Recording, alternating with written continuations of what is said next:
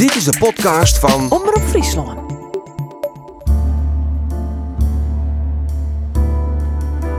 Smokkelban, de podcast. In 1942 begonnen Amsterdamse en Utrechtse studenten met het redden van Joodse kinderen, om ze uit handen van de Duitsers te houden. De studenten smokkelden de kinderen naar pleeggezinnen op het platteland. Mijn moeder kwam dus thuis en vroeg aan mijn vader. Ik ben teruggekomen met twee jongens van ongeveer 14, 15. Zullen we ze allebei houden? Nou, en dat is gebeurd. Zo overleefden honderden kinderen in Friesland de oorlog. In Smokkelband, de podcast, hun verhalen. Hoe hebben de Joodse kinderen die tijd beleefd dat ze ondergedoken zaten bij een Friese familie? En hoe ging het later met ze? Dit is aflevering 5. Als we hadden geweten dat we Jopie zo zouden missen. Maar ik kan het heus niet laten.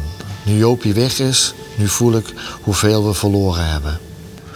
En ik moet er iedere keer om denken: bevalt eh, het u niet met hem?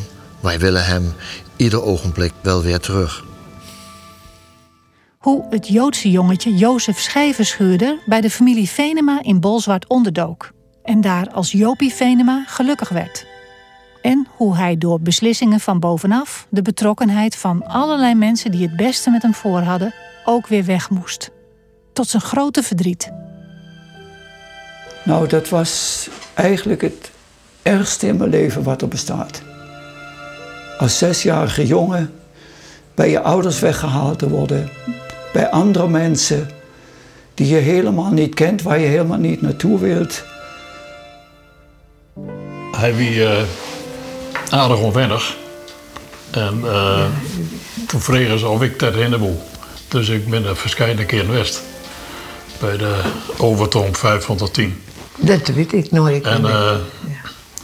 ja. dan moest ik hem een beetje uh, gerest, gerest stellen of zo, weet ik veel.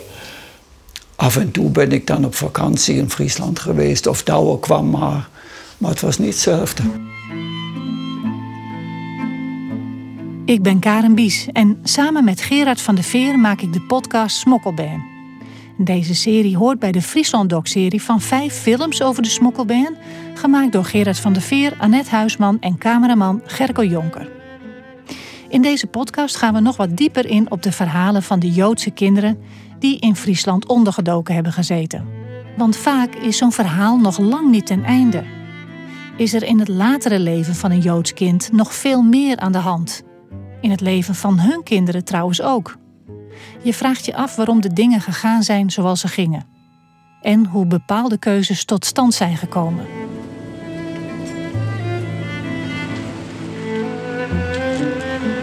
Mijn heid is hier in het cirkel van de gereformeerde kerk dan. En toen vreeg dominee, wie van jullie kunnen een onderduikjootje thuis hebben?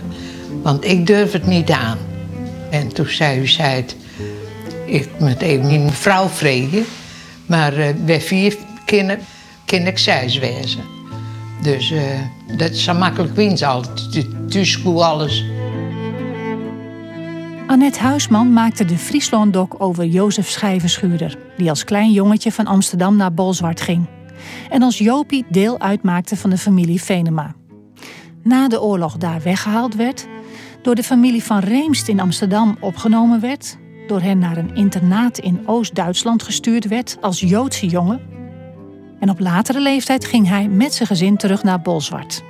En toen toch maar weer naar Duitsland. Nergens was hij thuis... Het is een boeiend, ontroerend en soms ongelooflijk verhaal. Vandaag praat ik met Annette Huisman, programmamaker bij Friesland Doc, over de film Nergens Thuis. Over Jozef, of Jopie, zoals hij in Friesland genoemd werd.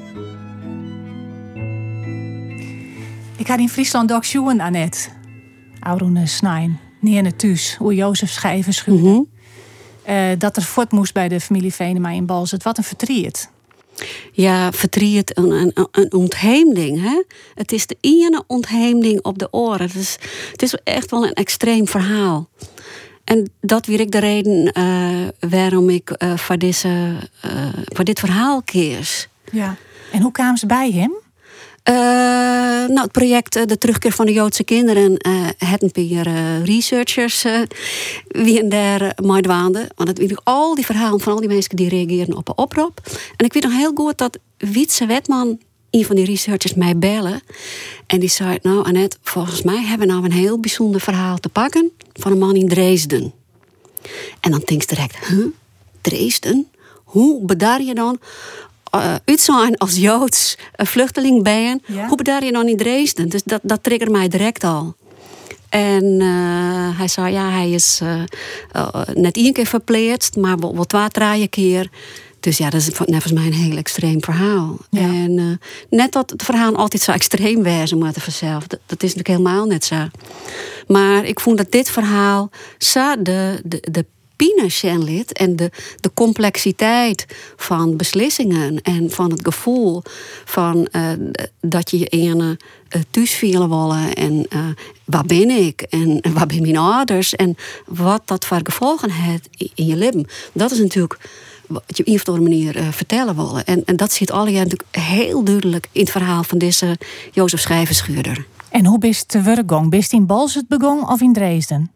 Nou, uh, het project kwam op uh, het spoor van deze man terug de onderduk broer. Uh, Douwe Venema uit Balzert, die meldde dit verhaal. en zei: Dit is mijn onderdukbroer. Jozef Schrijverschuur. En die woont in Dresden. En ik weer een jonkje van jou, wat doet hij bij u in de huiskamer?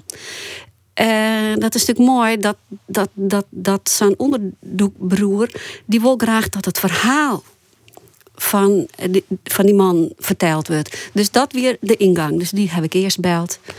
En uh, een man van 80, ontzettend aardige man. Dat denk ah ja, die was wel hebben als onderdukbroer. Dat, dat verneemt ze eigenlijk direct. Ja. Dat ze nog altijd contact met elkaar hebben en beginnen binnen mijn, eh, mijn, mijn zien lot. En toen belde ik naar Dresden. En volgens mij kreeg ik eerst de vrouw van Jozef Schrijverschuurder aan de telefoon. Elfie. En eh, nou ja, die weer heel uh, welcoming. En uh, die zei, ja, ja, ja, nou ja goed, we willen het verhaal wel vertellen. En Jozef wil dat wel. Maar er werd ik heel vol verwarring. Want Perilien hier ze al jij er een hele grote televisieploeg over de vlier kregen. En dat ging toen om het verhaal van de height van Jozef Schrijverschuurder.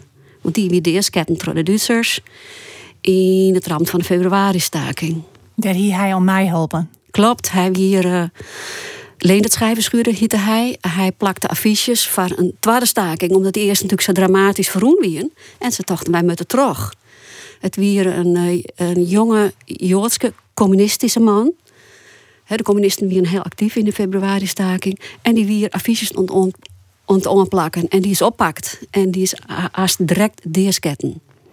Leendert Schrijverschuurder dus, de heid ja. van Jozef. En, en dat wie ik uh, de reden dat het jonkje onderdoeken moest, Jozef? Uh, nou, we zijn dan, zit dat weer al in jen 40. Hè, die razzia's die kwamen letter. En we weten het net precies hoe het gegaan is, maar in ieder geval is die mem net onderdoekt. Zijn tante wel, maar zijn mem net. Maar die is op een gegeven moment bij een razzia oppakt. En ze had waarschijnlijk haar zoon, de Lietse Jozef, het ze uh, via contacten uh, onderdoeken litten. En die is dus uh, naar Balzert gebracht. Terug Min van Trouw uit de trouwgroep. En waar wie is zij?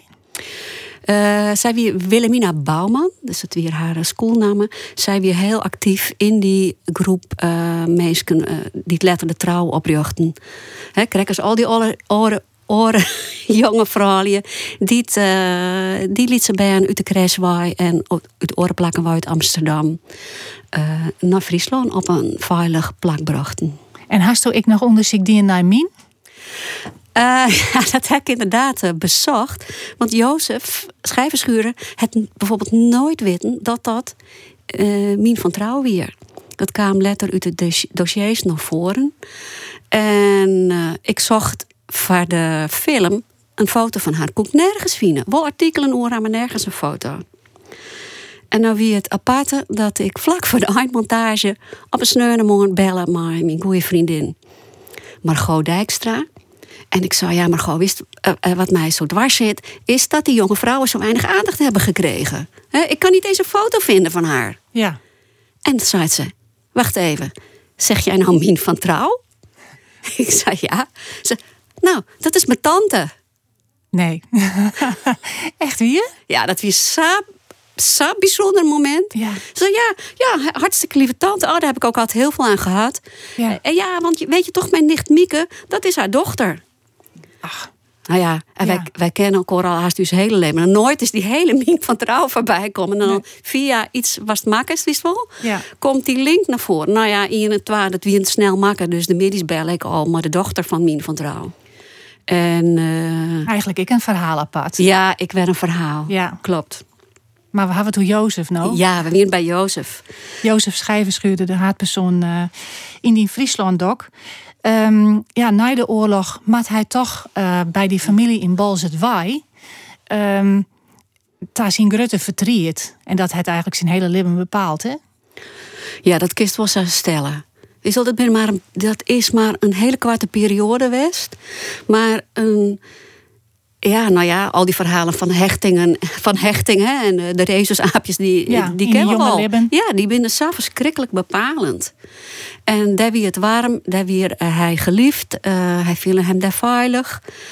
En hij moest daar waar, omdat natuurlijk er weer een commissie in het lim ropt om te bepalen eh, hoe nou om te gaan met die oorlogswezen. En het is een hele complexe materie. Met ze bij de pleegouders bluwen, eh, komen hun ouders waarom? Ben ze misschien onderdoekt of oorleben van de kampen? Of is er misschien Joodse familie? En dan gaat het altijd om het belang van het kind.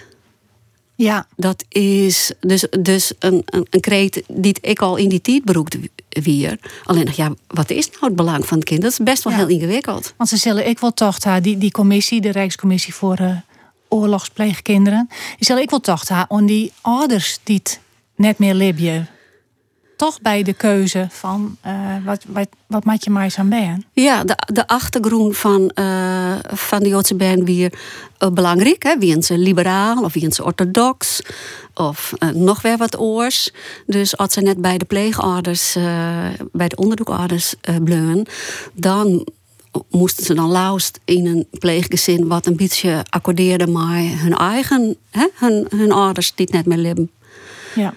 Maar er speelden in die tijd heel volle eh oorwagings om eh, een band hier of daar eh, te brengen of te litten. Want de voorzitter van die commissie, Gesine van der Molen, dat weer een, eh, nou, dat weer een hele eh, felle, eh, een actieve vrouw uit het verzet. Maar, eh, eh, maar ik wil eh, Calvinistische oertjogings. En die hier het idee dat het helemaal net zo goed weer van een band om eh Joods te wezen. Want sjuch, wat er van gebeurd is, deportatie. Dus het weer misschien wel beter en veiliger om die band bij het christelijke ouders te litten. Ja, ja. En nou ja, dat is een gedachte die is misschien wel begrepen is. Maar het is natuurlijk naar, naar, naar de culturele en de wezenlijke identiteit van, van mensen een absurditeit. He, dan, dan juist eigenlijk daar onder onderdrukkers en onder vervolgers. Ja. In die documentaire komt Hinke Piersma ik voorbij. Eh, zij werkt bij het NIOD, zij is historica. En zij had een hele grote eh onderzoek die naar, wat er, naar die nijsleep eigenlijk, hè, voor die band van de oorlog.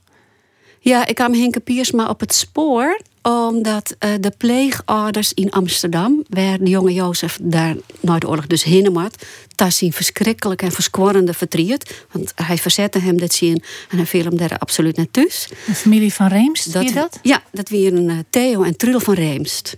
En die waren ik communistisch, zij weer Joods. En zij weer ik een bijzondere vrouw, die weer in de jaren 30 al actief in Spanje.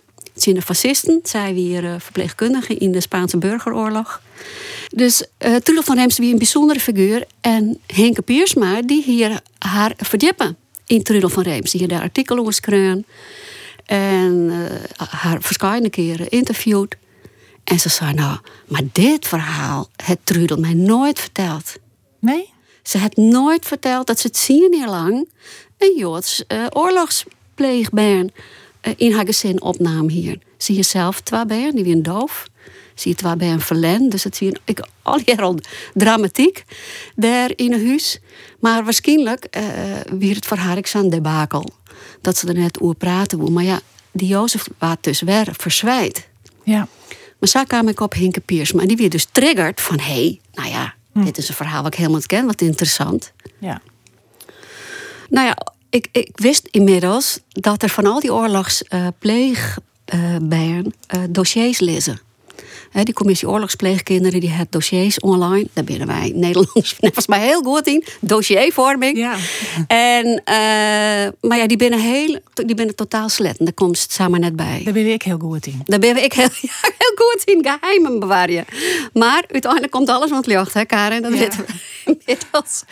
Maar uh, vanzelfs mocht Jozef Schrijverschuurder zelf wel zijn dossier inzien. Maar dat hield er nooit in. Nee, want van jou het eigenlijk net. Nee, hij had, het, hij had het nou uiteindelijk wel kregen. Maar ja, ik zie het een beetje toen in het dilemma van... eigenlijk ben ik heel benaaid wat er in zijn dossier staat. Hij had het nooit dien. Maar een reden vanzelf. Dus ja, look ik hier net een put iepen... waar die man misschien maar helemaal net in Shemwell. Mhm. Dus, nou ja, ik vreeg van... Uh, vind je het interessant? Uh, uh, we daarin? En hij joeg stemming. En ik heb ik zien zoon erin belutsen. Mario Schijverschuurder. Ja, die zit ik in de film, ja. Klopt, de tweede generatie, die is natuurlijk ik wel benijd van hoe is dat nou alle gongen. Dus het doel weer van de film, om mij de zoon, maar Mario Schijverschuurder, in het dossier in Haarlem te zien. We hier een tasstemming. En daarvoor, uh, om dat dossier een beetje begrijpelijk te maken, heb ik daar historicus Hinke Piersma voor inschakelen. Zij het mij de zoon Mario dus in het dossier jongen. En daar kwam van alles naar boven. Ja. Ik zoek het even op. Een fragment uit de film waarin zoon Mario Schijverschuurder een brief onder ogen krijgt. Die 75 jaar opgeborgen is geweest in het dossier van zijn vader. In het archief van het OPK, Oorlogspleegkinderen. Hinke Piersma geeft hem de brief. Hij is geschreven door Mem Venema aan de familie van Reemst. Jozef heeft hem nooit gezien. Zijn zoon Mario leest hem nu. Ik denk dat het volgende document ook interessant is, want voor zover ik het kan zien, is dit een brief van uh, de onderduikmoeder aan, uh, aan de Van Reemsten. U moet het me maar niet kwalijk nemen dat ik u schrijf, want u zult wel denken: wat een drukte hebben die lui daar. Maar ik kan het heus niet laten. Nu Jopie weg is, nu voel ik hoeveel we verloren hebben. En ik moet er iedere keer om denken: bevalt het u niet met hem? Wij willen hem ieder ogenblik wel weer terug. Ik heb er nog geen rust bij dat we hem hebben laten gaan. Er kwamen hier iedere keer mensen om over hem te praten.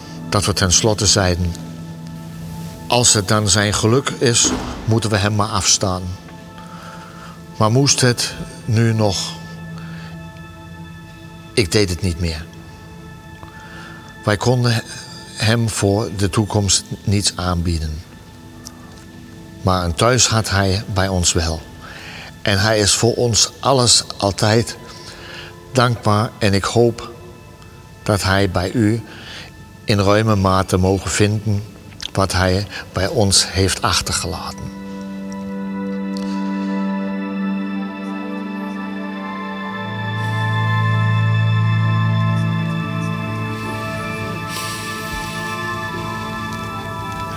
Papa, ik heb ook uh, een brief aan de familie van Reemst. Ja? Waar zij dus ook in schrijft dat zij jou had eigenlijk nooit willen laten gaan. En dat als, als het nog een keer over kon doen, dat ze je niet had laten gaan. Dat wie ik wel heel indrukwekkend vond ik om te zien. Hoe Mario dan dat dossier leest, een brief ik van de familie Venema. Dat ze eigenlijk uh, het jonkje, als de mogelijkheid er is, wil we waarom haar willen. Dat ze een orenkeuze maatje won hier. Ja, en dat, dat is dat weer vooral zo hartverscheurend, omdat Jozef in, in Dresden nooit zeker het van waarom moest ik daar nou waar. En hij had er een beetje zijn eigen verhaal van maken. Van Mem Venema, die was zwanger en die kreeg nog een baan. Ja, dan was ik waarschijnlijk te veel. Nou, dat is natuurlijk zo, dat is zo pijnlijk. Ja. Dat je bent, je bent mijn leefde opnam, maar uiteindelijk was toch weer als, als puppy uit het nest kopt. Van, nou, jij is er toch net eigenlijk bij. Nee, zo had hij dat altijd eh tocht. Ze hadden het toch. Ja. Maar uit het dossier bleek dat er gewoon heel veel dru- druk uitoefenen is op die familie Venen. Maar er kwamen heel tijd maatschappelijk werkers om, om de situatie te beoordelen. En ze zoen eh, eh, net geld genoeg hebben. Het weer maar een beetje een, een armoedige huishouding. Ze waren nog wel heel leefdevol. Maar ze ge- helemaal niks te bieden aan die jongen. En zien, ja, zien zoeners wie ik wel net zo goed. Dus ja, ging het allemaal wel goed daar. Wat jammer. Ja, en het, en het binnen misschien ik wel goede overwegings. Hè? Eh, Misschien dat is op zich ik net verkeerd. Dat je denkt van ja, krijgt die jongen daar wel een goede toekomst. Maar wat ze in ieder geval wel zeggen, dat het daar heel leefdevol weer. Dat, dat, dat staat in alle dossiers, eh, gelukkig. Maar ja, Ja. die familie Venema, het onder, de, die net het idee, wij zijn echt partij. Maar er waren na de oorlog wel eh onderdoekfamilies die, die de street omgaan binnen en die tot ik tot een rechtszaak eh, komen litten hier. Maar die familie Venema in Bossen die vielen haar eigenlijk totaal overdonderd. Terug al die, terug al die partijen. En die schreeuwen ik, ja, nou, als het dan maar zo zijn, dan hebben we, moesten we hem maar laten gaan. En inderdaad, letter kregen ze spiet. Ja. En schreeuwden dus die brief de familie van Reems in Amsterdam. Als we het allemaal hadden geweten. Als we Jopie zo- wisten dat we Jopie zo zouden missen. Dan hadden we hem nooit laten gaan. Nee. Nou, dat weer kiepenvel. En, en fantastisch dat die brief in het dossier ziet. En dat de, zo, de zoon Mario dat lezen koe. En hij kon zijn hart vertellen koe. Ja, maar ze hadden, hadden spijt. Ze hadden je eigenlijk nooit willen laten gaan. En het is natuurlijk een pleister na 24 jaar. Die, die kan nooit goed maaien. Natuurlijk, die, die maar... Ja, In het leven net goed, meisje. Nee.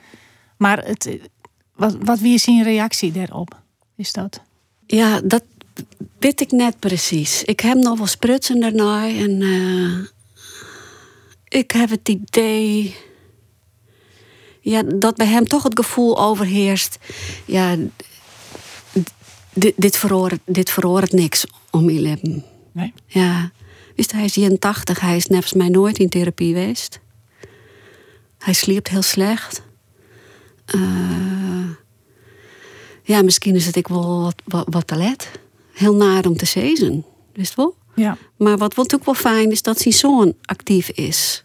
En dat daar misschien, hè, misschien zit de reparatie daar wel wat in. Dat, dat die zoon, dat hij shut, dat zijn zoon voor hem en zijn verhaal in de bres springt en opkomt eh voor zijn familiegeschiedenis. Daar zou misschien wel een nog een stukje heling eh, of zou zitten kennen. Nou is dit in je verhaal, eh Annette, over de familie Schijverschuurder en de Bolzerte familie Venema. Maar er zijn natuurlijk nog volle meer Joodse ben over waar het beslist is na de oorlog van waar gaat dit ben hinnen. Naar familie of kinderen bij de pleegfamilie Bluwe. Die OPK, die commissie oorlogspleegkinderen, dat archief is heel moeilijk toegankelijk, eh zei ze. Maar eh Bert-Jan Vlim, in uw eerste podcast, de historicus, die zoe er heel wat van Jan willen dat er daar een peer hier eh, opsluiten eh worden koe. Daar zit nog heel wat in, waar werd een heel grote mensen ja, naar ziekje op zitten te wachten misschien.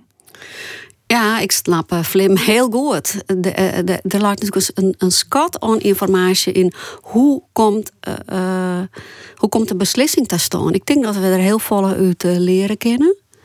Sowieso, ik van nou, eh, nou ik al die dossiers van ben dit uit huis plaatst worden moeten. Dat zie nou ik al oors nou eens in de jaren tachtig. Dat het vaak een die in, in al die opvanghuizen komt en van het tot het oren gaat vaak slechter al is dan dat er thuis blijft. In, in de ellende, zeg maar. Hè? Dus ja, ik denk dat het heel goed is dat er onderzoek eh, naar komt. En ik vind zelf ik dat die dossiers, ja, dat, binnen, dat is uw bezit. Dat is bezit van, ten eerste natuurlijk van, van de mensen die het betreft. Maar ik van Nederland, dit is uw historie. en natuurlijk moet de, de privacy van mensen beschermen worden. Met, maar ik vind eigenlijk dat er fieste, nou, dat er fieste streng op die dossiers uh, dat die dicht houden worden. Dat is nevens mij net in het belang van uw land. En het is uw skiertnis. Zeker. Werd we zelf ik verantwoordelijk van binnen. Klopt. Ja, dit hebben we maar elkaar sadien. En, en we, we maaien ik dat onderzoekje in. Wat vinden we daar nou van? En... Uh, maar ik, het Nationaal Archief, uh, die is heel streng. En ik weet dat zij het archief in Haarlem wel eens op een vinger stikken. Van nou, Jim, Jim jou dat te gauw vrij. Dus ik word die brief broeken. Die brief van, van, Mem, van ja. Mem Venema, haar uh, speedbrief, zeg maar. Nou, wist net hoe vaak ik daar achterom bellen heb om daar uiteindelijk toestemming van te krijgen. En met iedereen dan alweer schriftelijk toestemming van Jan. Dat snap ik wel, de Venema's. Nou ja, maar als er net als een soort, soort terrier achter ons is, dan gebeurt het net. Nee. Vind ik net goed. Daar had ik uh, Douwe en Sjoerdje Venema interviewd. De, de, de onderdoekbroer en zus. Gelukkig gaat er wel altijd contact west. Hè? Dus, maar, maar in, in de rest van hun leven. En later is Mario ik naar Bols het kwam te wenen. Ja, dat is heel intensief. Uh, nog altijd. En... Uh, nou ja, juist dat ik zei, vind ik het binnen hele leven meesken. Warme meesken. En ik de vrouw van Douwe Venema, die dus trouwd is, maar uh, die uh, het, hem heel, het haar heel erg inzet voor het wolwezen van Mario Schrijverschuurder en Zin. Zij functioneren echt als een soort uh, tweede Heitemem derde. Ja, mooi. Ja. ja, bijzonder vind ik en oprucht. En dus helemaal net vanuit, uh, nou ja, wij hebben het zo goed dienen. En nee, er is echt een boon en, en blutsen niet voor het leven. Het begon mij een, een tip van Wietse Wetman. Van Masters naar dit verhaal, uh, Sjen. En daar is er indoekt en daar haast heel wat mij maken. Wat had het nou eigenlijk zelf, uh, maar die dien, dit contact, dit verhaal? Nou, ik vind het. Uh, ik vind gewoon heel, heel erg dat iets sa. dat er sa over het leven van iemand beslist wordt, hè, zonder een bij henzelf te jaren. En um, ja, dat het zulke sporen loopt in, in het leven. En dat. En de worsteling van mensen om daar een, een, een draai om te gaan, ja, dat, dat had je gewoon in je, in je greep. En ik, omdat deze Jozef Schrijverschuur een hele uh, zachtaardige, uh, uh, gevoelige man is, ja, dat, dat griepje ik direct aan. Dan kist ik voorstellen dat het juist op, op deze man zijn impact heeft. Dat zal namelijk bij iedereen weer oorswezen. En ja, hoe dingen trouwwerken in, in generaties. Ja, dat vind ik heel uh, interessant. En, en, en, en het gevucht ik van generaties, maar wat ze mij kregen. Mario Schrijverschuurder die het zelf beslissing nam om in het leger te gaan, om te vluchten. Uh, om zelf in het leger te gaan? Ja, ja. Uh, nou ja, uh, als, als, als blauwhelm in de Libanenoorlog, in de Irak-oorlog. Hij is nationaal reservist geworden dat we zien antwoord op het lijden in zijn familie. Echt weer? Ja, hij wil echt iets dwaan. Hij wil iets zijn onrug dwaan. Ja. En het tragische is dat hij daar toch ik allerlei oorlogstrauma's oproen het weer op zijn beurt. Zo, aan de ene kant uh, wil ik graag dus, uh, het lijden en de vreugde van mensen in het licht zetten klinkt misschien wel wat evangelisch, maar hè, dat wil graag dat, dat, dat er eeg voor is. En de ik het verstaan. Dat je probeert te begrijpen van hoe kunnen dingen sagen, uh, Dat is eigenlijk ook mijn, ja, wat mij druwt om die verhalen te maken. Ja. En, en die historica van het NIOT, Hinke Piersma, die, die kent natuurlijk een hele plotte verhaal. Maar waarom wie voor haar dit nou zo interessant? Nou, ten eerste omdat zij Trul van Reems, te plegen mem in Amsterdam koer. En uh, dus ze wil me eigenlijk wel die change bewijzen om daar een rol in te spelen. En het was natuurlijk best lastig, want zij kreeg ik een dossier van haar neus. Wat zij maar samen even beschermen moest en mij uh, zo'n Mario schrijfschuurder bespreken. Uh, dat ding ze fantastisch, vond ik. Ze had natuurlijk wel vaker dossiers pensioen. Maar uh, wat haar, het vond ik heel scherp van haar. Wat haar heel erg opvoel, is dat uh, de landelijke mensen hier in Friesland, dus van de, de LO, wat wie ja, ik werd, de Landelijke Organisatie voor Hulp aan Onderduikers. Heel goed. Dat die uh, de familie Venema in Bolsert beschreven als uh, nou, een, een arbeidersgezin het werken terre, het goed varelkoor, prima gezin. En dan komen dus de mensen uit uh, Amsterdam van de commissie oorlogspleegkinderen. Die beoordelen dat gezin als nou, zuterig en jamoedig en nou, net zo hygiënisch. Heel naar om te lezen. Dus dat dat een verschillende uh, eeg is van uit de platteland en de stad op die gezinnen. Nou, dat heeft natuurlijk wel gevolgen voor hun beslissings. Ja. En voor het jonkje. Voor, precies, voor, ja, voor, iedereen. Voor iedereen. En dat zou Henke, hey, dat is mij eigenlijk, dat vond ze interessant. En dat moest hem wel verder nog wel eens onderzoeken. Hm. Of dat dus in oor, een oorgeval, ik zou weer. Ja, dus ik ken best nog wel even naar Henke Piersmata. Ik ben heel benieuwd wat ze verder nog te vertellen heeft, ja. Dank wel, Annette. En uh, prachtige film, trouwens. Dank je wel. Ja. ja. Neer naar thuis.